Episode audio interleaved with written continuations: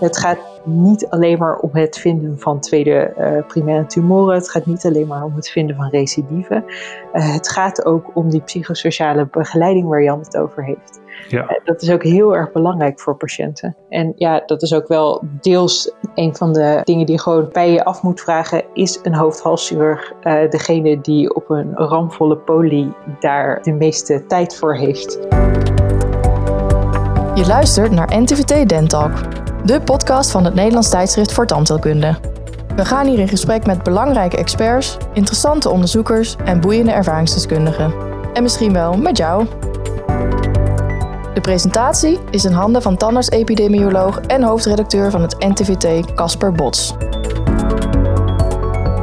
De incidentie van mondholtekanker in Nederland neemt toe. Daardoor zal ook het aantal patiënten dat nazorg na behandeling behoeft Op dit moment worden deze patiënten de eerste vijf jaar na behandeling routinematig gecontroleerd. Dit wordt gedaan om recidive of tweede primaire tumoren vroegtijdig op te sporen, waardoor de prognose uiteindelijk verbetert. Recidieven treden veelal in de eerste twee jaar na behandeling op. Levenslang houden patiënten echt een verhoogd risico op de tweede primaire tumoren. Uit een recente NTVT-publicatie van hoofdhalschirurg en onderzoeker Marieke Brands blijkt dat er geen overtuigend bewijs bestaat dat een vijfjarige nakontroleprogramma overlevingswinst oplevert. Daarom is het wellicht beter de nakontrole te beperken tot twee jaar, waarna bijvoorbeeld de tandarts de zorg overneemt. Daartoe hoeft de hoofdhalsoncoloog niet langer noodzakelijkwijs de regie te hebben. We gaan in deze Dentalk podcast hierover in gesprek met hoofdhalsoncoloog Marieke Brands. Eind vorig jaar promoveerde zij op dit onderwerp en ze heeft gewerkt in het Verenigd Koninkrijk en sinds januari is zij werkzaam bij het Integraal Kankercentrum Nederland in Eindhoven. Ook digitaal aangeschoven op veilige afstand is professor Dr. Jan de Visser, hoogleraar Oral Medicine verbonden aan het UMC Amsterdam en het ACTA en daarnaast ook NTVT-redacteur en expert op dit gebied. Uh, Marieke, om met jou te beginnen. Wat was de aanleiding van jullie onderzoek? Um, nou, de aanleiding, uh, ik ben dit uh, onderzoek gestart toen ik nog in opleiding was tot MKA-chirurg. En ik had altijd al echt een speciale interesse al voor mijn voor mijn opleiding begon in de hoofd-halsoncologie. Dat betekent dat je er automatisch tijdens je opleiding ook wat meer mee in aanraking komt. En uh, je ziet dat heel veel patiënten um, dan um, ja, naar follow-up spreekuren komen. Maar ja, ik ging me toch wel afvragen van ja, wat is nou de, uh, de zin ervan? Ja. Um, en dat was een beetje de aanleiding om ja, dat, dat verder uit te gaan zoeken. En daar is mijn proefschrift uiteindelijk uit uh, voortgevloeid voelde die follow-up bezoeken dan een beetje als een soort ja, uh, routinematige verplichting die je moest doen, maar waar dan voor je gevoel niet heel veel uitkwam? Nou ja, kijk, ik vind het een van de leuke dingen van mijn vak uh, patiënten zien en met patiënten praten. Dus in die zin, uh, ik heb helemaal geen bezwaar tegen een follow-up poly. Mm -hmm. Maar ik denk dat het wel belangrijk is, en dat is ja, zowel in de tandheelkunde als in de geneeskunde zo, dat dat wat je doet zin moet hebben voor patiënten. Ja. Um, en dat het op de juiste manier uh, ja, gebeurt. En dat zijn we denk ik ook een beetje verplicht uh, om met een goede manier ook uh, met de middelen die, die er beschikbaar zijn om te gaan. Ja, en uh, Jan, hoe kijk jij er tegenaan? Want die incidentie van mondholtekanker schijnt toe te nemen de laatste jaren.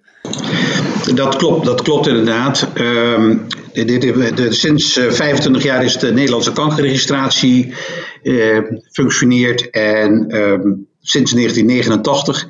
En we zien dat het aantal mondholtecarcinomen in 1989 zo rond de 340 was. En nu is het bijna 1000 nieuwe patiënten per jaar. Dus dat is toch in een 25 jaar een meer dan verdubbeling van het aantal nieuwe jaarlijkse patiënten met een mondholtecarcinoom. Eh, en wat is daar de, de belangrijkste reden voor? Dat zal toch de, de, het roken en alcoholgebruik speelt daar zeker een rol bij. Uh, maar dat deed het vroeger ook. En vroeger werd er iets meer gerookt. En misschien wordt er nu iets meer alcohol gebruikt. Maar de leeftijd, hè, mensen worden ouder, zal daar ook zeker een rol bij spelen. Oké. En um, Marieke, hoe hebben jullie dat onderzoek aangepakt? Want jullie hebben dus die follow-up in kaart gebracht en gekeken van komt er iets uit of komt er niet iets uit? Kan je daar wat over, meer over vertellen? Uh, nou ja, eh, laat ik wel eerst uh, zeggen dat, dat mij natuurlijk wel een beetje bescheidenheid past. Uh, ik heb zeker niet alles kunnen uitzoeken in mijn proefschrift wat er uit te zoeken valt over follow-up. Maar ja, je kan follow-up op een aantal manieren kijken. We zijn eigenlijk bij, begonnen bij de richtlijn en we hebben eens gekeken ook in de literatuur. Dat was eigenlijk het eerste artikel van mijn proefschrift. Goh, wat, wat staat er nou in de literatuur uh, en wat doen andere landen? Ja. Ehm, en je ziet in de literatuur toch heel vaak die lijn van vijf jaar of in sommige landen zelfs levenslang follow-up terug. Is dat ieder jaar dan of twee keer per jaar? dat hangt er een beetje vanaf in welke fase van de behandeling iemand zit. in de eerste jaren worden mensen vaker gezien. En mhm. dan naarmate uh, de tijd uh, verstrijkt, minder vaak. Dus de eerste jaren soms zelfs elke twee maanden. En naarmate je verder naar die vijf jaar komt, gaat het eigenlijk naar twee keer per jaar. Oké, maar dat is dus heel divers eigenlijk wereldwijd. Sommige levenslang en sommige vrij kort. Um, nou ja, wat is vrij kort? Nou, vijf jaar bijvoorbeeld. of twee jaar, zoals je voorstelt in je artikel. Ja, nou, die, twee jaar, dat is, dat is dus nog niet iets wat uh, geïmplementeerd is. Dat is uh, een suggestie van onze kant. Mm maar um, ja, je ziet het meest voorkomende, als, je, als er gekozen wordt voor een afkappunt, dan is dat vaak vijf jaar. maar bijvoorbeeld in de Verenigde Staten volgen mensen ook wel dus levenslang op. Oké. Uh, Jan, even naar jou. Ik wil straks wat meer dus weten over die opzet van dat wat onderzoek. Maar hoe doen jullie dat in het, het ziekenhuis, bij jullie? in feite komt dat ook op hetzelfde neer wat, uh, wat Marike zegt, dat er toch een frequente controle is. En het heeft alles natuurlijk te maken met, uh, met de, de, de grootte van de afwijking, de uitgebreidheid van de behandeling die heeft plaatsgevonden. Mm zeker in het begin en die eerste twee jaar is niet alleen een periode waarop de eventuele recidieven worden vastgesteld. Dan hebben we het even nog niet over de tweede primaire tumoren die daar worden vastgesteld. Of eventueel uh, kunnen worden vastgesteld. Maar het is ook vooral de psychosociale en maatschappelijke begeleiding speelt er een rol. En zeker met mensen die een uitgebreide behandeling hebben gegaan, ondergaan met chirurgie. En dan gecombineerd radiotherapie met chemotherapie. Dat zijn zware behandelingen. En deze mensen hebben ook een hele goede begeleiding nodig. En dat kan vanuit een hoofdhalsoncologisch centrum. Je moet ervoor uitgaan als je een hele uitgebreide behandeling hebt gehad, dat de kans dat je als je werkzaam was, dat je daarna niet meer aan het werk komt, dat je dus niet meer je werkzaamheden die je normaal gewend was, dat je die kunt uitvoeren. En dat, dat, daar is de begeleiding ook goed voor. En als je gaat kijken naar waar Marieke het over heeft, met name naar de kans op een uh, tweede primaire tumor, want een recidief komt meestal binnen 1, 1,5 jaar of je kijkt naar de bijwerkingen of de late effecten van de behandeling, zoals osteorare necrose, caries. Ja, dat, dat zijn hele andere aspecten. Maar ik denk dat je er wel in zou moeten kunnen differentiëren. Ja, even Marieke, uit je proefzicht uh, staat een quote uh, dat na een mondholte tumor patiënten 35 keer zo'n hoog risico hebben op een tweede primaire tumor in het hoofdhalsgebied. Ja. Is dat inderdaad wat Jan zegt in de eerste anderhalf jaar, anderhalf, twee jaar dat dat al gebeurt? Nee, um, dat is uh, een levenslang risico dat je hebt op tweede primaire tumoren. En je kan je voorstellen, ehm, ja, als je zo'n hoog verhoogd risico alleen maar in de eerste tijd hebt, dan kan je daar heel gericht op controleren. Mm -hmm. Maar ja, als dat levenslang is, ja, dan moet je toch wel eens even goed nadenken. Uh, is het dan uh, effectief? Want je moet ook naar absolute aantallen kijken.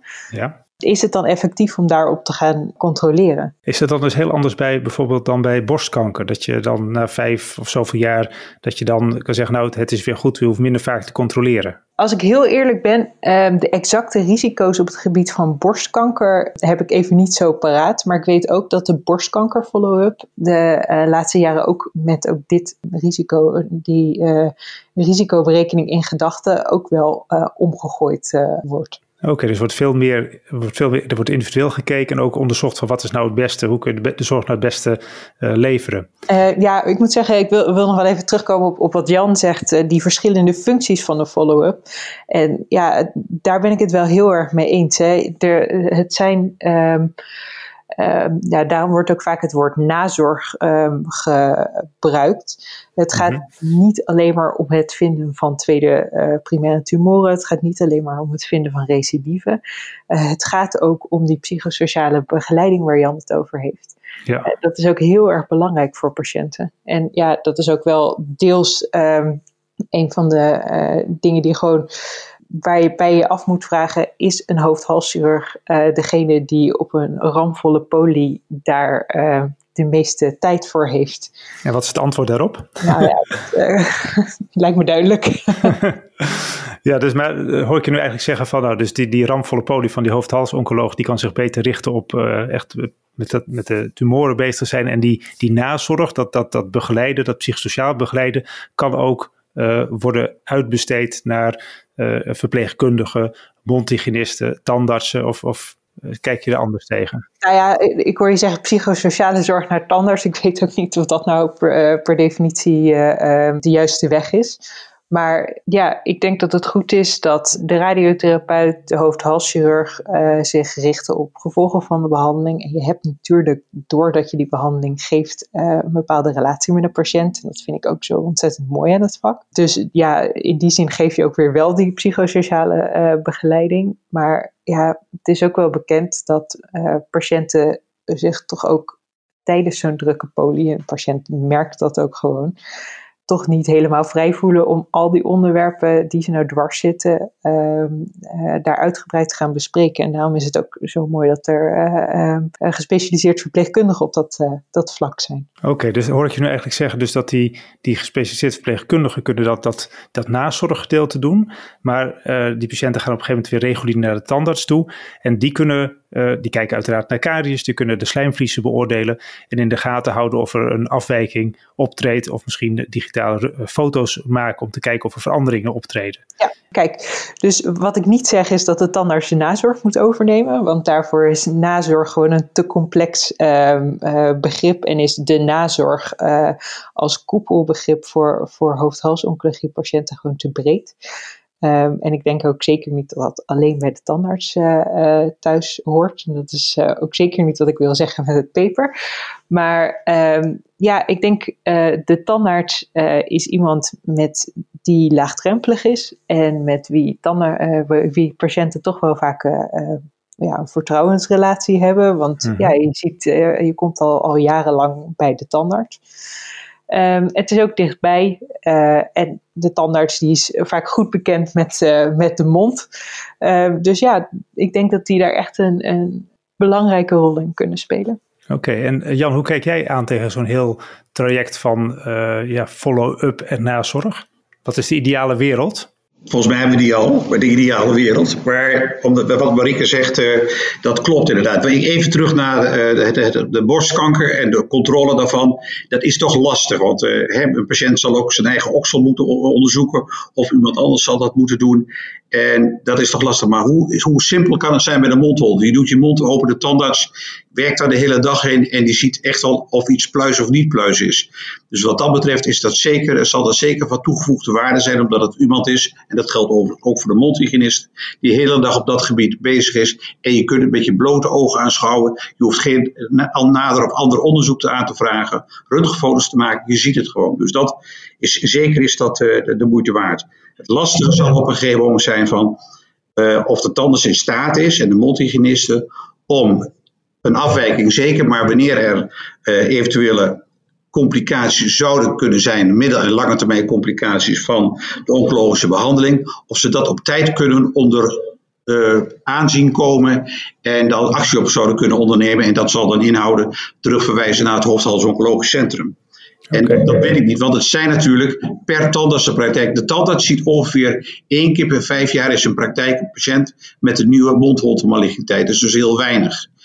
En dus dat betekent dat diezelfde patiënten die komen dan terug. Dus dat zou kunnen betekenen dat elke tandarts één keer in de vijf jaar een patiënt uh, heeft die gecontroleerd moet worden.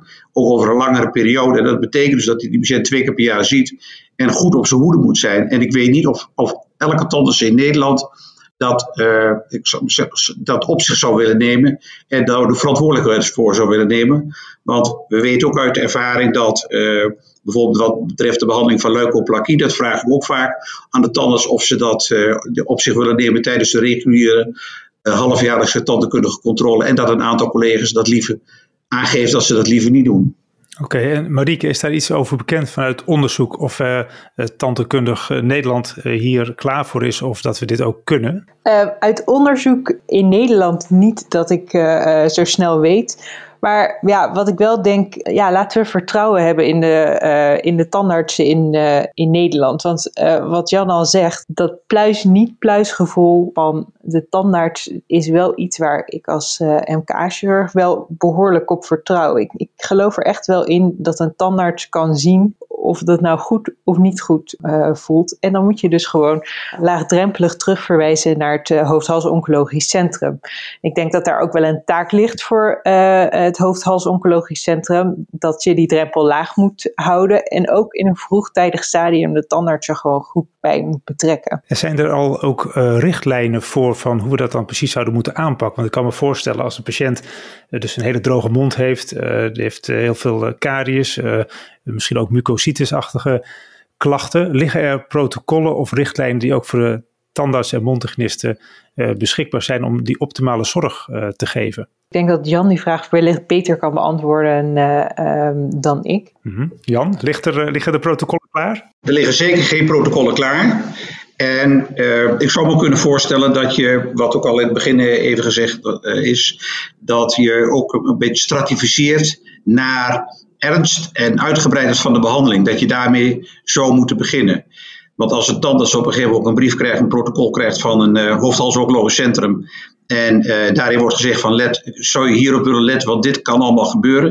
En je krijgt daar voor die ene patiënt een, van 15 tot 20 verschillende mogelijkheden waar, uh, waar problemen zouden kunnen optreden. Ja. Dan zou ik me kunnen voorstellen dat de collega daar uh, toch enige, met enige te, terughoudendheid naar kijkt.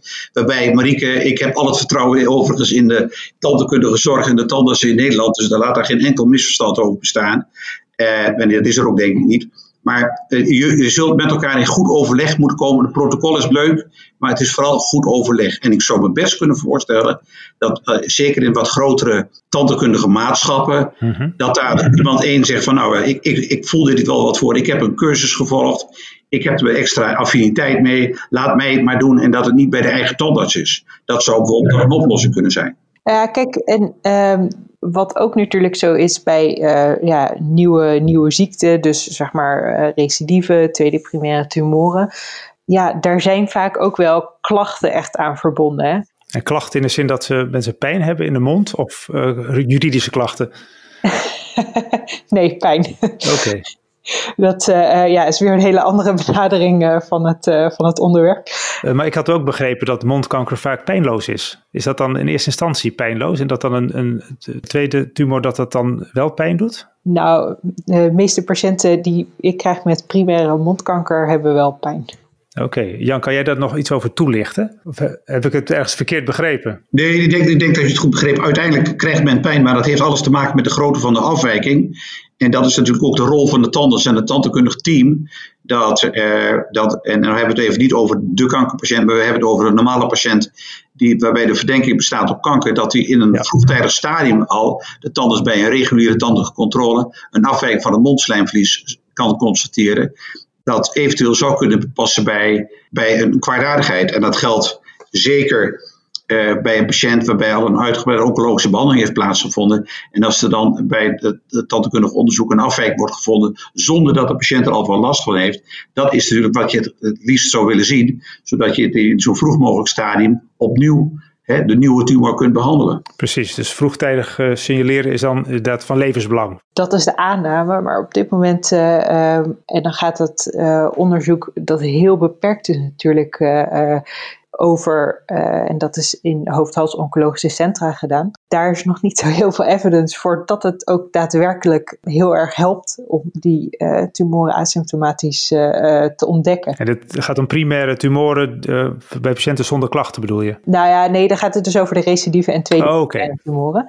Ja. maar daar is het bewijs nog niet voor geleverd dat dat helpt. Oké, okay, ik laat dat even op me, op me inwerken. Dus dan de tweede, als er mensen een tweede uh, primaire, uh, noem je dat dan een tweede primaire tumor? Als het ja. na verloop van tijd uh, optreedt, dat, dat gaat dus, is vaker gepaard met pijn. Kan dus vaker gepaard gaan met pijn. En het is nog de vraag even of vroegtijdige diagnostiek van die tweede primaire tumor uiteindelijk leidt tot meer overleving. Nou ja, en, en recidive. Oké, okay, ja. Het onderzoek dat daar tot nu toe uh, naar gedaan is, uh, het lastige daarvan enerzijds is dat het niet van geweldige kwaliteit is.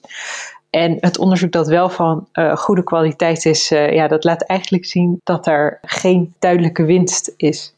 Okay. Uh, maar goed, de interessante vraag is, ja, zijn er wel groepen waar het eventueel wel winst zou opleveren? Dus ja, ik denk dat je steeds meer naar een individuele follow-up en ook risicoselectie moet gaan.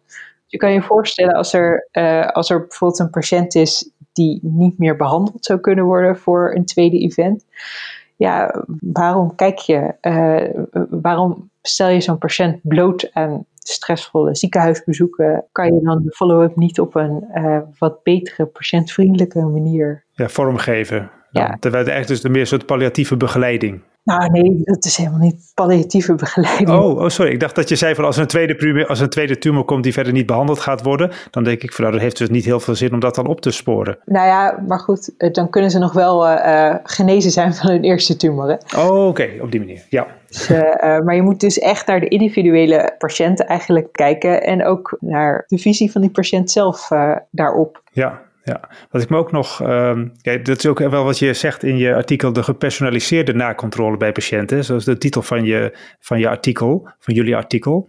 Uh, dus het gaat, uh, je moet echt dus kijken naar het individu, de risicofactoren en wat voor die patiënt dan het beste is. Ja. Oké, en is er ook vanuit patiëntenperspectief gekeken? Zitten patiënten er wel op te wachten als ze in zo'n oncologisch centrum zijn geweest om dan weer gewoon naar de huistuin- en keukenmondzorgverlener toe te gaan?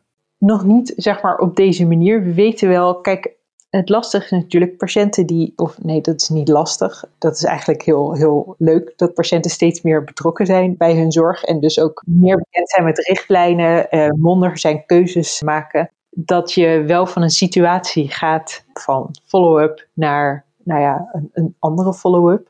Uh, en dat dat ook dus, ja, dat patiënten daarin moeten worden meegenomen. Maar goed, er zijn uh, nu in Nijmegen ook mooie onderzoeken uh, worden daar geïnitieerd om, om te kijken hoe, hoe dat uh, gebeurt. Ja, ik probeer het even een beetje zo samen te vatten. De, hoe vaak kwam het nou ook weer voor per jaar dat mensen worden, hoeveel patiënten worden gezien met een primaire tumor? Rond de 900.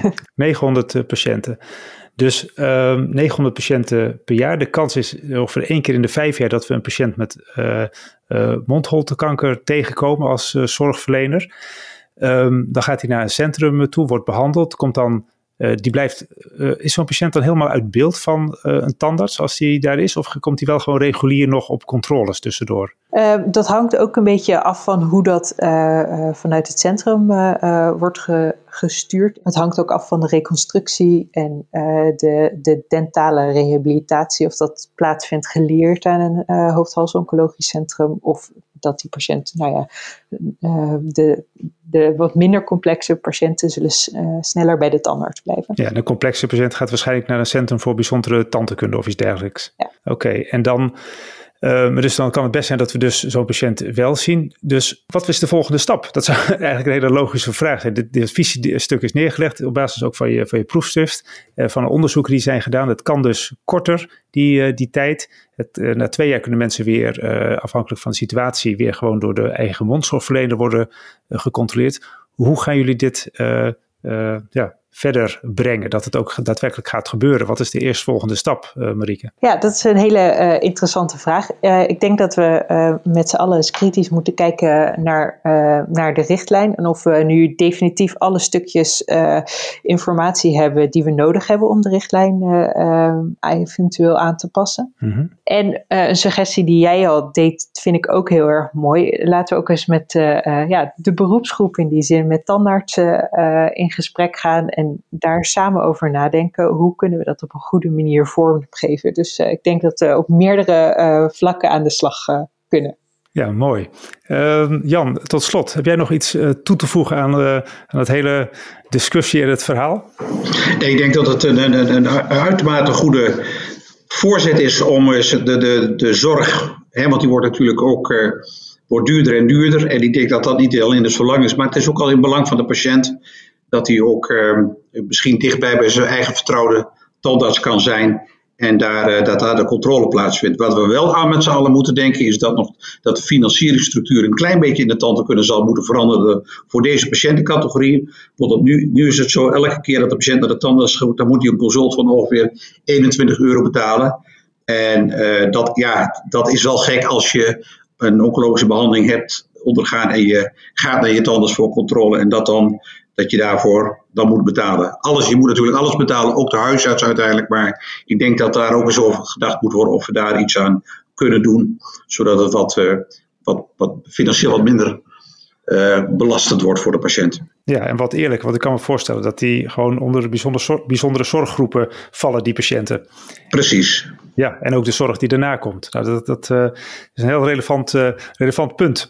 Um, Marieke, had jij tot slot nog uh, een laatste boodschap voor Tandheelkundig Nederland die we echt niet moeten vergeten, naar aanleiding van jouw onderzoek? Um, ja, blijf alert op symptomen van mondkanker en blijf je ook uh, nascholen in Ehm, wat de gevolgen van mondkanker voor je patiënten uh, kunnen zijn. En uh, ook de gevolgen van de behandelingen die ze hebben ondergaan uh, voor jou als standaard. en wat je daarbij in de mond kan zien, blijf je daarin bij en nascholen. Want het is ontzettend interessant.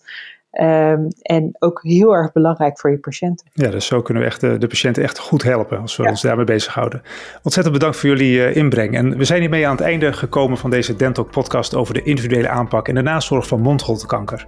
Waar we in gesprek waren met Marieke Brands en Jan de Visser. Bedankt voor het luisteren en graag tot de volgende keer.